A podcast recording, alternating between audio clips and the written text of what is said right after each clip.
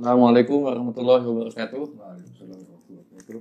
Selamat datang, ahlan wa sahlan di podcast Senja Santri Enakin Aja. Alhamdulillah wassalatu wassalam ala Rasulillah wa ala alihi wa sahbihi wa wala wa la ilma lana illa ma 'allamtana innaka antal alimul hakim. Rabbi syrah li sadri wa yassir li amri wa hlul 'uqdatam min lisani yafqahu qawli amin. Eh, sore di awal bulan September. Oke, September makin lama makin dekat dengan Desember. Sudah hampir Tahun akhir baru. tahun.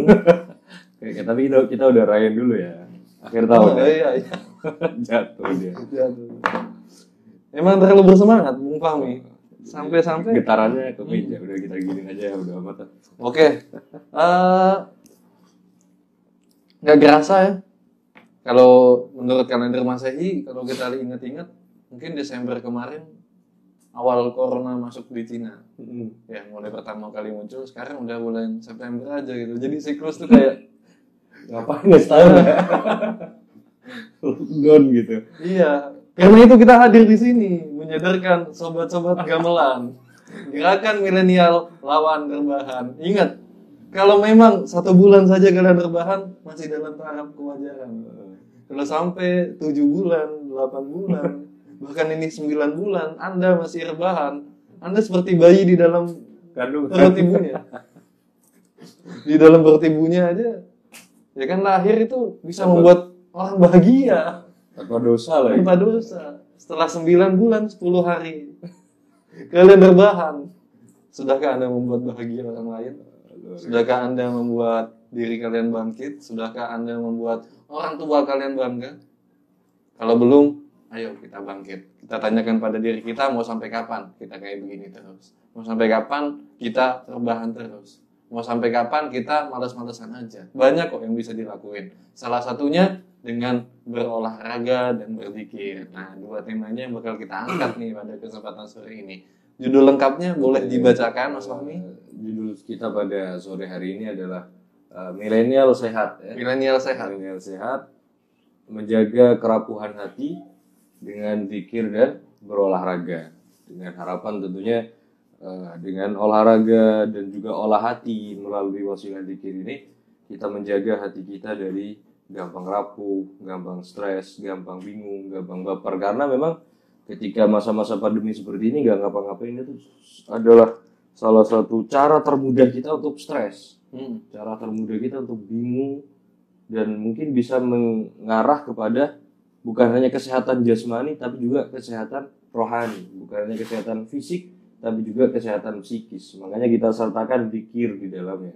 Kenapa nggak olahraga saja? Sekarang olahraga udah banyak dibahas kan? Kemarin sudah musimnya sunmori Sanmori. um, ke mana-mana pakai Naik sepeda. naik sepeda terus musim jogging dan lain sebagainya. Sepeda lagi naik daun. Tapi mereka melupakan zikir. Sehingga sehat badannya saja tapi hati masih sumpek meskipun mereka banyak kegiatan cuma hati mereka masih sumpek makanya harus ada eh, apa namanya Tambahan. tambahan zikir porsi untuk mengolah hati kita bukan hanya olahraga tapi juga olah hati Tapi nggak apa-apa yang mungkin ya, yang cuma olahraga doang belum sempat berzikir itu lebih baik lebih Daripada- bagus dibandingkan yang rebahan tidak berzikir tidak berpikir, tidak berzikir, tidak berolahraga, malah dia lihat HP. Apa ini? Beli sepeda sampai 15 juta. Nah, udah olahraga hasut lagi Hasut Ya, hati kalian penuh iri dengki. dia minimal dengan dia bisa membeli sepeda harga 15 juta, bahkan ada yang harga 20 juta. Ada yang 30 juta juga yang seharga motor ya. Motor. Nah, se- ada yang 80 ada yang lagi 80 juta. Itu nunjukin dia sukses. Anda dapat apa? Dapat iri, dapat dengki, ya kan? Kuota pun habis mengeluh, padahal kuota yang habisin buat kalian medsosan, buat game online. Ya kalau kuotanya habis buat online apa kuliah online atau belajar online di eh, apa aplikasi-aplikasi yang saat ini memang pemerintah menganjurkannya ya Iya. itu ya nggak apa-apa lah masih ada peningkatan daya pikir ini tidak ada gitu teori yang dibuka teori konspirasi Kayak Parvus. teori konspirasi corona apakah dengan kalian membaca teori konspirasi corona bakal hilang dan bisa menambah kecerdasan kalian. Tentunya tidak. Makanya kan ada eh, sebuah kalimat motivasi begini. Eh, ya sebenarnya yang membuat kita sehat itu bukan pola makan dan pola hidup, akan tapi pola hati. Percuma kalau kita olahraga setiap hari menjaga asupan makanan, akan tapi hati sering dengki, hati sering hasut, nggak bakal sehat hidupnya. Minimal tindak tanduk kita bukan pekerjaan orang-orang yang sehat, hatinya kan begitu. ya mungkin pertama kita bahas olahraga dulu Olahraga dulu. saya soalnya mumpung lagi sama Bung Fahmi nih salah satu komentator kita Dalwa. Liga Dalwa ya tolong yang belum punya Dalwa TV silahkan beli di situ ada tayangan Liga Dalwa menampilkan masyayah masyayah yang menjaga kesehatannya Menjaga juga. kesehatan. Di balik kesibukannya mengarang kitab Oh. di balik kesibukannya dakwah. Di masa, masa pandemi dakwah online-nya malah sampai hampir tia- setiap hari guru-guru kita. Bahkan juga syuting untuk keperluan eh, daras online yang dilakukan melalui Darwa TV tapi di sela-sela itu juga kita dicontohkan untuk berolahraga ya. Eh, mumpung Bung Fahmi nih kan komentator tetap saya tidak tetap. Saya cuma magang. Ada wasit. kadang jadi pemain. Kadang jadi kiper sampai cedera kan ya ini gimana pendapat antum tentang pentingnya olahraga di era pandemi ini untuk sama-sama meningkatkan eh, daya tahan tubuh supaya tubuh tidak rapuh? Tubuh nih yang rabu ya. iya olahraga baik dengan sih Tentunya kalau mau antum tanya apa hubungannya dengan hati pastinya sedikit banyaknya ada. Cuma kalau untuk tubuh memang olahraga ini salah satu hal yang sangat dianjurkan oleh baginda Nabi Muhammad SAW dalam rangka menjaga daya tahan tubuh. Dan itu pun juga diajarkan oleh para masyaikh kita, guru-guru kita di Mahat bahwasanya eh, sesibuk apa pun mereka, kita lihat kesibukan beliau sebagaimana sudah antum kemukakan tadi, Eh, dan juga di samping usia beliau yang tidak lagi muda masih menyempatkan untuk bermain Bermain bola. bola. Bermain bola kemudian yang membuat kita sangat memotivasi adalah beliau turun langsung bersama putra putranya bersama kawan-kawannya dan itu kelihatan asik banget. Jadi dari bukan cuma jadi pelengkap? Nah, bukan hanya jadi pelengkap. Jadi top skor ya. jadi top skor untuk timnya masing-masing. Jadi timbul di situ timbul motivasi terbesar bagi kami untuk meniru bahwasanya dalam berolahraga ternyata tidak hanya mendapatkan kesehatan fisik tapi juga eh, menguatkan keharmonisan rumah tangga antara anak-anak dan ayah, antara teman dan saudara dan sebagainya, guru. Guru dan Dengan murid murid. juga bisa kita eh, eratkan dari wasilah olahraga dari wasilah sepak bola itu. Dan tentunya sering beliau guru kita Al Habib Sugih Baharun sering mengatakan al jism salim al aql salim fi jism salim. Akal yang sehat itu terdapat pada fisik yang sehat yang kuat. Jadi utamanya kita melaksanakan olahraga dalam rangka memperkuat fisik maka di satu sisi juga kita menguatkan akal kita agar melahirkan ide-ide yang positif dengan olahraga tersebut. Jadi intinya semuanya kembali kepada eh, otak kita, kembali kepada eh, untuk dalam rangka akal kita bagaimana bisa berproses, berproses menjadi akal yang positif. Mungkin bagi saya begitu. Nah ya, jadi memang eh, tidak ada alasan untuk kita tidak berolahraga ya. Walaupun di tengah-tengah pandemi ada protokol yang apa ya sudah ada standar yang yang cukup lah untuk kita patuhi dan tidak menghalangi sama sekali kebutuhan untuk kita berolahraga dan juga ya eh, umpamanya jogging. Masa jogging? Alasannya social distancing. Anda jogging apa di pasar gitu, dempet-dempetan kan enggak jogging kan ada jarak ya jauh-jauhan, pakai masker, pokoknya oh, nggak bisa nafas, pakai masker yang PVC yang membuat kita mudah untuk tipis, bernafas yang yang tipis itu. Nggak usah yang tebel juga kan, jadi intinya eh, tidak ada alasan untuk kita meninggalkan olahraga di tengah-tengah masa pandemi. Seperti itu, juga umpamanya olahraga naik sepeda kan, ya terlepas dari harganya kita nggak tahu juga niatnya dia membeli sepeda mahal-mahal itu apa. Kalau niatnya dia bagus supaya dengan naik eh, dia olahraga naik sepeda bisa menjaga kesehatan dengan kesehatannya itu bisa membuat dia rajin ibadah dengan rajin ibadahnya itu dia bisa eh, membuat eh, semakin dekat dengan Allah, memudahkan dia untuk bekerja yang mana nanti kalau dia kerja dalam keadaan sehat, semangat, kerjanya itu nanti digunakan eh, sebagian hartanya untuk beramal, kebutuhan masjid, kebutuhan pesantren dan lain sebagainya, itu pahala. Hmm.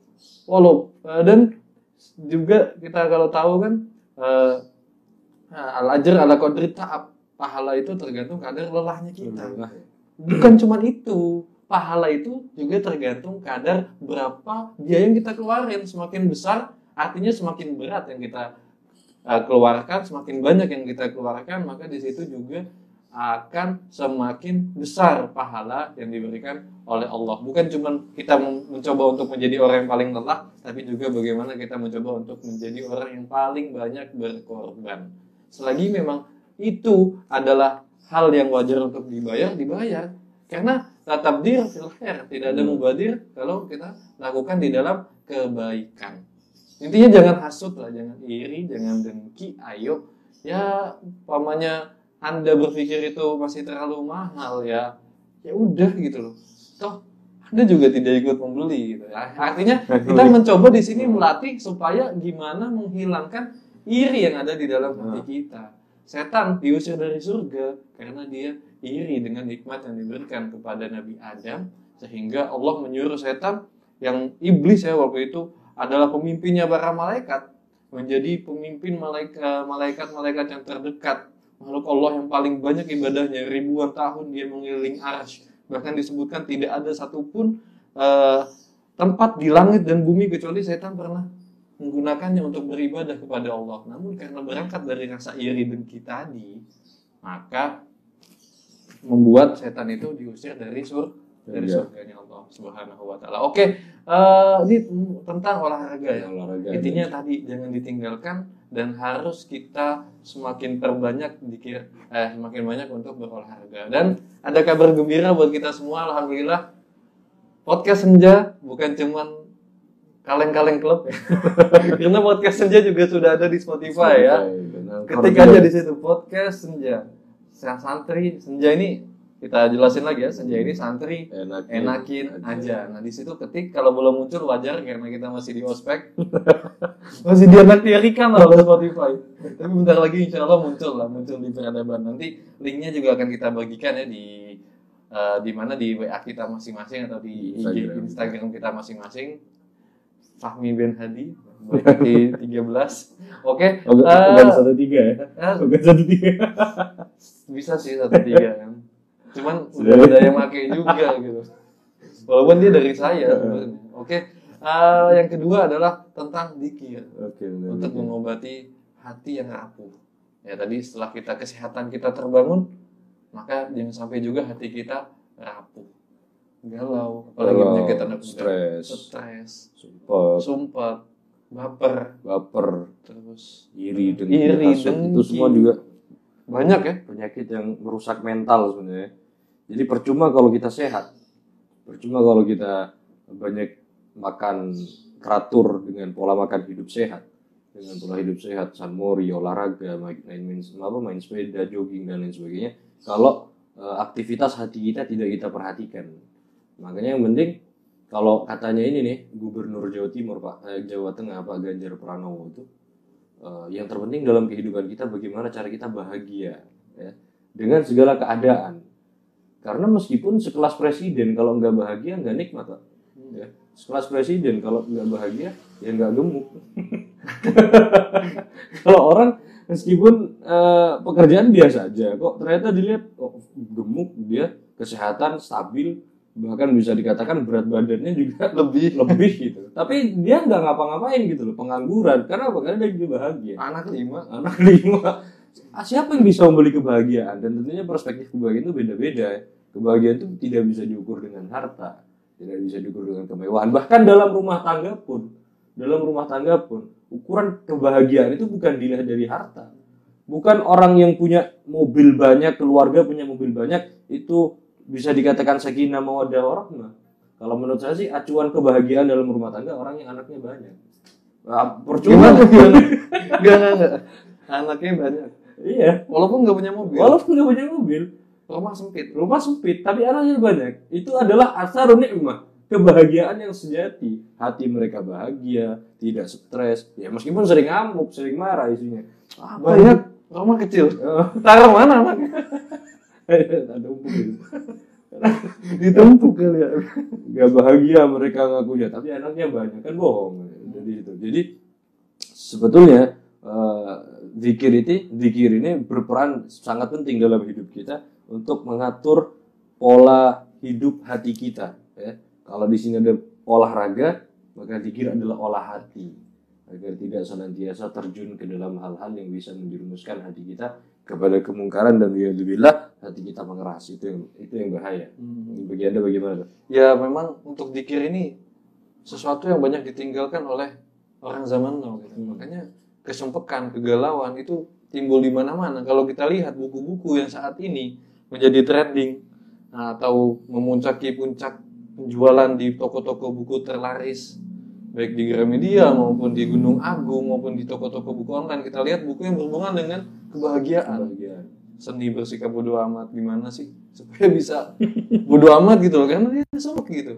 Atau ada lagi buku yang eh, seni untuk bahagia seni hidup ambiar. Ada lagi tentang bagaimana menjadi bahagia ala orang Jepang ala orang Finlandia ala- pokoknya kita berusaha niru gimana sih cara jadi orang bahagia gitu? Selamat tinggal grogi dan ragu. selamat tinggal gitu ini buat buat bahagia.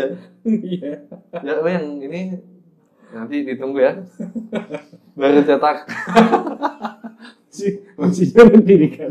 ya jadi eh, memang bahagia ini saat ini dicari-cari dulu mungkin mereka berpendapat bahagia itu ketika jabatannya tinggi. Pas mereka jabatannya tinggi ternyata nggak bahagia. Bahagia. malah tambah banyak masalah. Mereka anggap bahagia itu ketika sudah punya mobil banyak. Terus ketika mobilnya banyak nggak bisa tidur. Udah tidur. takut hilang menurut mereka bahagia itu ketika sudah menikah punya anak. Punya akhirnya ntar udah gede anaknya bisa sekolah tinggi sekolah di universitas terbaik. Habis itu punya cucu. Ternyata pas sudah gede nggak ada kebahagiaan di situ. Nah makanya di sinilah yang kita harus sadari bahwa kita terlalu banyak menyandarkan kebahagiaan pada hal yang sifatnya materialis. Padahal bahagia adalah sebuah sakinah yang Allah turunkan kepada hati hamba-hambanya yang senantiasa mengingatnya. Ala bidzikrillah tatmainnul qulub. Ingatlah bagaimana zikir kepada Allah itu menenangkan hati kita. Sebuah teori dalam Al-Qur'an yang begitu simple. Yang kalau kita mau kupas yang kalau kita mau kaji maka ala bidzikrillah tatmainnul qulub ini mungkin bisa jadi buku yang sangat Luar tebal. biasa. Dan itu juga yang menginspirasi guru kita ya nih ada bukunya. Terapi hati dan jiwa. Terapi hati dan jiwa eh, karangan Ustadz Segaf Baharun ini mengupas bagaimana kita menterapi hati dan jiwa kita. Meng- mengobati sifat iri mengobati sifat dengki mengobati sifat sombong supaya dari situ ketika hati kita bersih dari sifat-sifat tersebut maka yang tinggal hanyalah ketenangan. Dan juga penyebab utama yang membuat kita saat ini banyak nggak tenang adalah kita terlalu sibuk ngurusin urusannya orang lain. Ngurusin orang lain. ya kan? Banyak yang bukan urusan kita kita urusin. Buka HP melihat orang susah. Ini kenapa sih temen gue gini sekarang? Kita urusin. Ini jangan-jangan dia terlalu banyak maksiat. Ini jangan-jangan dia begini. Ini jangan-jangan dia begini. Padahal belum tentu gitu loh. Temennya begitu. Atau lihat temen kita yang bahagia. "Wah, pamer gini doang. Gini doang aja Hmm. Kan serba salah kita mau nampakin foto yang kita kelihatan sulit di komen. Banyak maksiat akhirnya eh, nikmatnya dicabut oleh Allah. Ketika kita eh, posting foto yang bagus foto yang wah bagi mereka ya. Karena buat kita sih ya biasa aja gitu posting-posting gitu. Karena tergantung niatnya orang masing-masing. Dibilang sombong dibilang belagu. Artinya ya postingan itu eh, adalah sebuah sikap yang ditunjukkan oleh seorang yang memosting dan kita nggak tahu niatnya orang memosting itu apa. Mungkin bisa memotivasi mungkin dia memang sedang butuh teman cerita. Tapi efek jeleknya adalah ketika kita membacanya di situ muncul eh, angan-angan atau muncul orang ini kenapa sih nulis ini? Orang itu kenapa sih kayak gini? Ya kan? Kita ngurusin urusan kita aja kadang belum tuntas tapi gimana kita coba ngurusin urusannya orang lain. Nah, mungkin Fahmi ini yang sering posting hal-hal unik ya. Kalau lihat story storynya dia tuh muncul aja gitu loh. Tahu-tahu di malam-malam silakan yang mau nikung di sepertiga malam. Ini kita bahas minggu depan ya. ah itu kita bahas minggu depan. Ya tapi intinya gimana rasanya antum? Coba deh. Eh, ketika antum bikin status ada sosok orang yang coba intervensi nanya-nanya. Nah, itu saya paling benci. Ah, atau komen-komen gak jelas. Ria lah. Anda ria anda tidak ada kerjaan apa itu gimana menurut? Kalau menurut saya ini dari sudut pandang yang membuat story ya. Karena tadi kan itu mungkin dari sudut pandang orang yang melihat. Bagi saya eh, salah satu di era eh, di masa pandemi ini salah satu wasilah untuk kita memuaskan hati salah satunya adalah membuat story itu bagi saya. Dan story itu kan hak orang. Jadi kita harus punya pikiran kayak gini ketika kita eh, ingin melampiaskan apa yang kita miliki, ketika kita ingin merealisasikan apa yang kita inginkan, yang kita cita-citakan, ya kita harus terima dengan segala macam eh, konsekuensi yang akan terjadi. Mau dilihat orang pamer, mau dilihat orang eh, sombong, mau dilihat orang apa, yang penting dalam di hati kita hanya ada satu hal yakni kita punya kemampuan untuk melakukan ini. Maka kita harus realisasikan. Maka cukup satu ayat yang menjadi motivasi terbesar dalam kehidupan bermedia sosial saya adalah wa amma bi ni'mati rabbik fahadits cukup. Dan itu salah satu yang memberikan ketenangan dalam diri saya. Dengan kita merealisasikan nikmat Allah dalam bentuk kesehatan, dalam bentuk keafiatan dan dalam bentuk rizik mungkin dengan membuat story, bukan dalam artian kita sombong. Sombong itu kan kalau dalam buku saya, asik.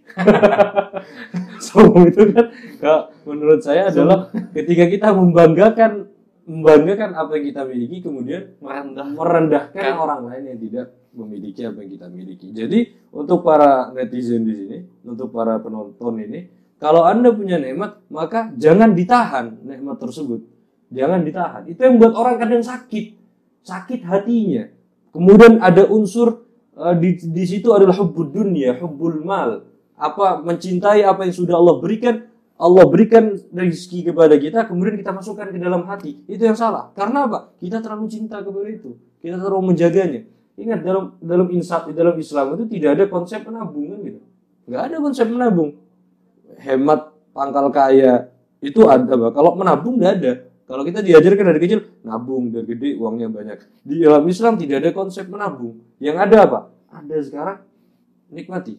Ya selama eh, kewajiban-kewajiban kita sudah terpenuhi, sodakoh sudah, zakat sudah, dan lain sebagainya, maka yang ada di situ nikmati. Ketika Allah kita bersedekah, Allah akan tambah. Baliasdat kata ma naqasamal min sadaqatin baliasdat. Allah siapa yang memberikan sodakoh dari hartanya yang telah Allah berikan kepada kita akan bertambah. Dalam artian selama dia bisa menikmati, Allah akan suka kepada hambanya. Allah akan cintai hamba tersebut dan akan Allah tambah nikmatnya. Jadi dalam hal ini jangan ada pikiran kita nanti takut dikira orang itu bu- eh, umbar-umbar nikmat, umbar apa yang sudah kita miliki. Dalam artian iya memang kita mengumbar segala apa yang telah Allah berikan kepada kita, tapi dalam artian kita bersyukur atas nikmat-nikmat yang Allah berikan. Jadi salah satu yang memberikan mewariskan penyakit hati dalam diri kita adalah terlalu memegang nikmat yang telah Allah berikan. Apa ya kalau bahasa istilahnya itu? Eh, lupa saya nanti kita. Ya kalau di hadis juga kan Allah itu senang. Ayar athar nikmati fi ibadi. Allah suka melihat bekas nikmat yang Allah kasih ada pada hambanya. Contoh kita dikasih uang banyak tapi kita simpen aja nggak kita sodakohin. Atau nggak kita belikan. Apa ya? Eh, membuat kita kadang bingung juga gitu loh buat orang yang orientasinya apa eh, menabung hemat pangkal kaya padahal rezeki itu Allah yang udah atur gitu. Artinya ketika emang ada yang membutuhkan, ayo kita bantu. Kalau memang kamu butuh, ayo keluarin. mau Karena banyak yang nabung tujuannya supaya bisa bahagia di hari tua, ternyata belum sampai tua mati udah nggak ada. udah meninggal Akhirnya hartanya jadi bahan rebutan ahli warisnya. Karena harta itu tiga. Bagi harta itu jenisnya ada tiga. Ada harta yang kamu miliki, yaitu yang kamu nikmati dan kamu gunakan ketika ada di dunia. Itu yang kamu miliki. Yang kedua adalah harta yang akan menjadi simpanan untuk bekal akhiratmu. Itu adalah harta yang kita nafkahkan di jalan Allah Subhanahu wa taala. Dan yang ketiga ada harta yang menjadi fitnah. yaitu harta yang kita tabung namun sebelum kita meninggal dan sebelum kita sempat untuk tasarrufnya di bidang kebaikan ataupun sifat ataupun di hal-hal yang bermanfaat kita sudah terlanjur meninggal dan di situ karena hartanya kurang berkah akhirnya jadi fitnah di tengah-tengah keluarganya. Berapa banyak mereka yang uh, kompak ketika ayahnya masih hidup tapi ketika ayahnya meninggal keluarganya jadi terpecah belah. Artinya ayolah mumpung masih ada kesempatan kita perbanyak olahraga, kita perbanyak berzikir agar hati kita tidak rapuh. Rapuh di sini bukan cuma tentang galau, hmm. bukan hanya tentang percintaan. Kita harus sadari sifat iri, dengki, sombong, hasut juga termasuk hati menunjukkan hati-hati yang rapuh. Kan kita identik gini. Hati lu lagi rapuh ya. Berarti lagi kenapa? Putus cinta. Hmm. Ya kan? Padahal nggak selalu tentang putus cinta, nggak selalu tentang uh, sumpah tapi juga tentang sombong. Coba kita bilang ke orang yang sombong bro hati lu rapuh banget. Marah.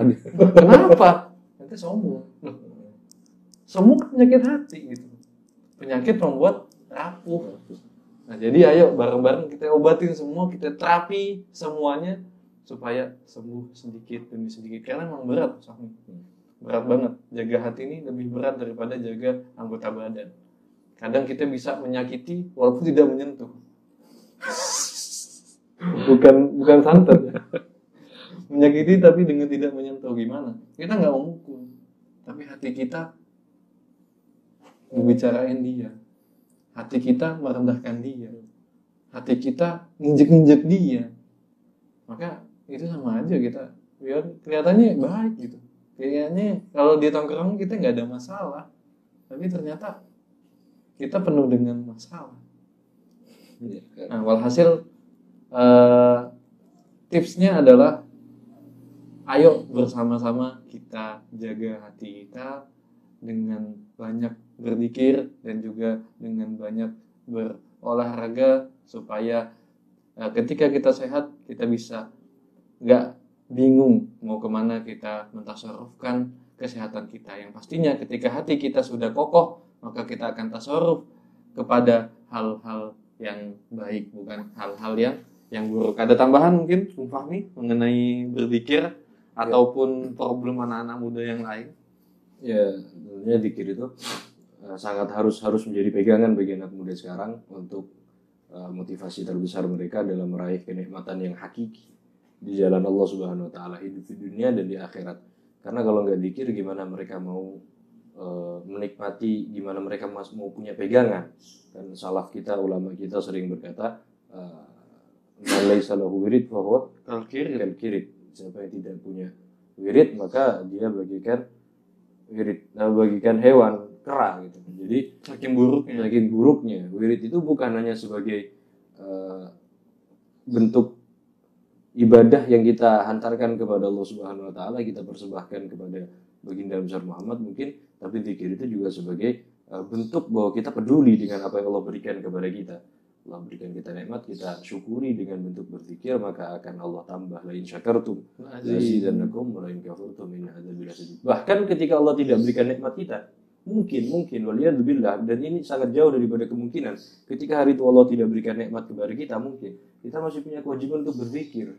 Gitu kan? Zikir itu bukan hanya bukan hanya ketika kita dapat nikmat tapi zikir itu adalah bukti bahwa kita ini masih punya sambungan kepada Allah Subhanahu wa taala. Masih punya uh, ikatan sebagai hambanya Allah Subhanahu wa taala bukan hanya ketika dapat nikmat saja. Dan juga Sehingga akhirnya ketika dia berzikir paham paham ternyata nggak ada apa-apa juga nikmat. Nikmat zikir itu gitu loh. Ada diciptakan jadi manusia juga nikmat gitu. Coba itu sudah. nikmat terbesar gitu. ciptain jadi kucing ya. Kan? ah, gimana tuh? Jadi kentang. Hidupnya cuman mengikuti angin jadi tumbuhan ada angin ke sana ngikut ada angin ke sini ngikut kan uh, hmm. ternyata jadi manusia juga udah nikmat yang besar ya, jadi sebenarnya salah kalau dia ngerasa hari itu nggak punya nikmat Nah, pas anda itu berapa oksigen sekarang? Kalau di rumah sakit berapa juta tuh oksigen? Kalau sehari saja, kita pernah ada, saya pernah baca posting di Instagram itu ada yang ngitung harga oksigen kemudian kita hirup per harinya bisa sampai miliaran rupiah. Karena Tidak satu gratis. tabung itu kalau di rumah sakit berapa juta gitu. Ya kan? Iya. Kita nikmat gratis. Gratis. Gimana cara masuk ke nikmatnya? Dengan ber Berpikir. berpikir. Bukan wah, udara gratis. Saya harus habiskan udara sebagai bentuk rasa syukur. Tidak perlu seperti itu ya. Tidak perlu seperti itu. Kesian Anda. Hmm. Orang lain akan takut ini. Kenapa ini? Nggak boleh, nggak boleh. Ada batasnya. Ada batasnya. Orang-orang orang bersyukur itu juga ada batasnya. Jangan over. Nanti kalau over juga gila. Jadi salaf kita ngajarin kalau pagi ada wirdul latif, kalau sore ada rotibul hadat. Ini bisa dicari ya teman-teman. Apa sih wirdul latif? Apa sih rotibul hadat? Ini adalah kumpulan zikir yang berasal dari ayat-ayat Al-Quran yang dibaca dan dicetuskan oleh ulama kita untuk kita baca sebagai bekal dalam kehidupan sehari-hari. Kalau belum bisa, minimal jangan pernah tinggalkan istighfar di pagi dan sore hari sebanyak 70 atau lebih bagus lagi minimal 100 kali. Karena Nabi Muhammad aja ketika ditanya, ya Rasulullah kenapa engkau masih beristighfar? Maka Rasulullah menjawab, apa nggak boleh aku menjadi hamba yang bersyukur? Padahal Rasulullah udah nggak punya dosa, tapi dia tetap beristighfar sebagai bentuk rasa syukur kepada Allah. Kok kita yang banyak dosa nggak mau Bersyukur. nggak mau istighfar, nggak mau minta ampun kepada Allah? Apa sih susahnya gitu? Apa ya? Padahal kita dikasih 24 jam oleh Allah Subhanahu wa taala dan yang lebih parah lagi, udah nggak istighfar, ternyata sholatnya masih bolong-bolong juga. Ini problem banget anak-anak. Udah sholat bolong masih bucin juga. Aduh, Udah. menganggap apa ya? Ntar ketika putus cinta bilang dunia ini tidak adil. Anda yang tidak adil kepada diri Anda. Di dunia tersiksa dengan menjadi budak cinta, di akhirat menjadi ahli neraka. Alhamdulillah ya. Kita harapkan ayo kita bersama-sama mengobati diri. Semoga pandemi ini membawa sebuah pelajaran besar bahwa ternyata kehidupan ini singkat Singkat. kehidupan ini kalau tidak ada campur tangan Allah untuk membuat kita menjadi orang yang bahagia maka ya seperti ini udah buktinya. Ya kan? Tapi dari saking maha agung dan maha profesionalnya Allah di balik musibah-musibah yang kita hadapi saat ini ternyata tidak menghalangi juga kesempatan untuk menjadi orang-orang yang bahagia. Banyak kan di tengah-tengah pandemi tapi masih bisa senyum. Ya. di tengah-tengah pandemi dia masih bisa bersyukur. Di tengah-tengah pandemi dia masih bisa bercengkrama dengan keluarganya. Dan itu adalah bentuk sebuah rahasia Allah yang kita sendiri sulit untuk mengupasnya. Ya, mungkin. oke. Hmm, ngomong dengan tentang bahagia maka jawabannya kalau kita mencarinya silahkan cari di Rabu Senja. Di podcast Senja Santri enakin enakin. aja. Kita ketemu lagi minggu depan masih bersama saya Muhammad Ilham Bayhaki Dan saya Abdurrahman Fahmi. kita pamit undur diri Sobat Gamelan Gerakan, Gerakan Milenial Lawan Terima kasih atas kebersamaannya. Semoga kita diberikan istiqomah ya. Amin amin Billahi taufiq wal hidayah. Assalamualaikum warahmatullahi wabarakatuh